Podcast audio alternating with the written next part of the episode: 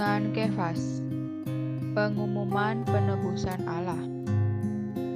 Imamat pasal 25 ayat 9 Lalu engkau harus memperdengarkan bunyi sangkakala di mana-mana dalam bulan yang ketujuh pada tanggal 10 bulan itu.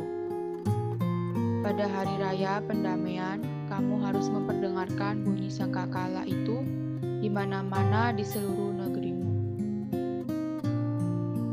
Dalam Lukas 4, 14, 30, kita nampak bahwa manusia penyelamat ini memulai ministrinya dengan mengumumkan Yobel kasih karunia.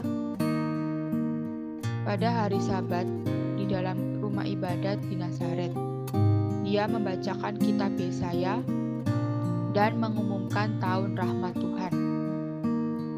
Tahun rahmat ini adalah zaman kasih karunia perjanjian baru yang dilambangkan oleh tahun Yobel. Tahun ke-50 saat semua budak dibebaskan dan setiap warisan dikembalikan kepada pemilik yang semula. Kata Yobel menunjukkan tiupan sangkakala. Khususnya tanda dari sebuah sangkakala perak.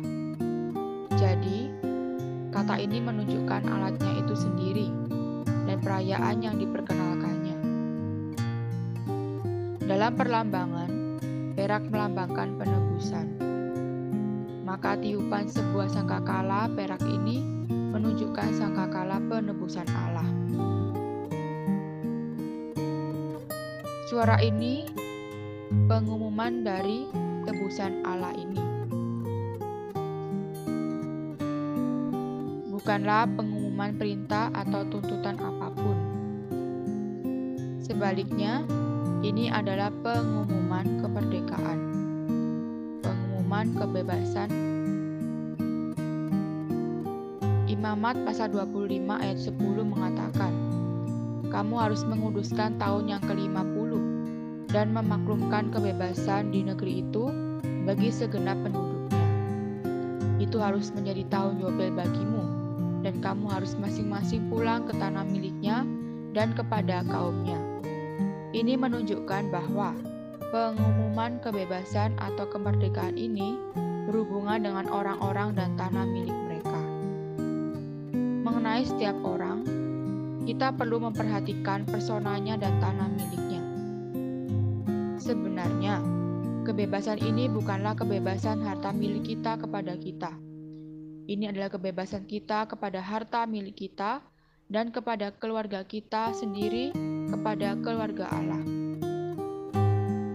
Terang hari ini, tahun rahmat ini adalah zaman kasih karunia perjanjian baru yang dilambangkan oleh tahun Yobel.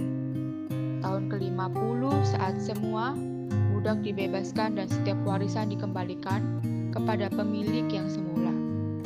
Poin doa Berdoa agar kita dapat terus memperhatikan persona Tuhan, agar kita memiliki kebebasan yang bukan dari diri kita sendiri, melainkan kebebasan yang diberikan Allah kepada kita untuk memiliki semua kekayaannya.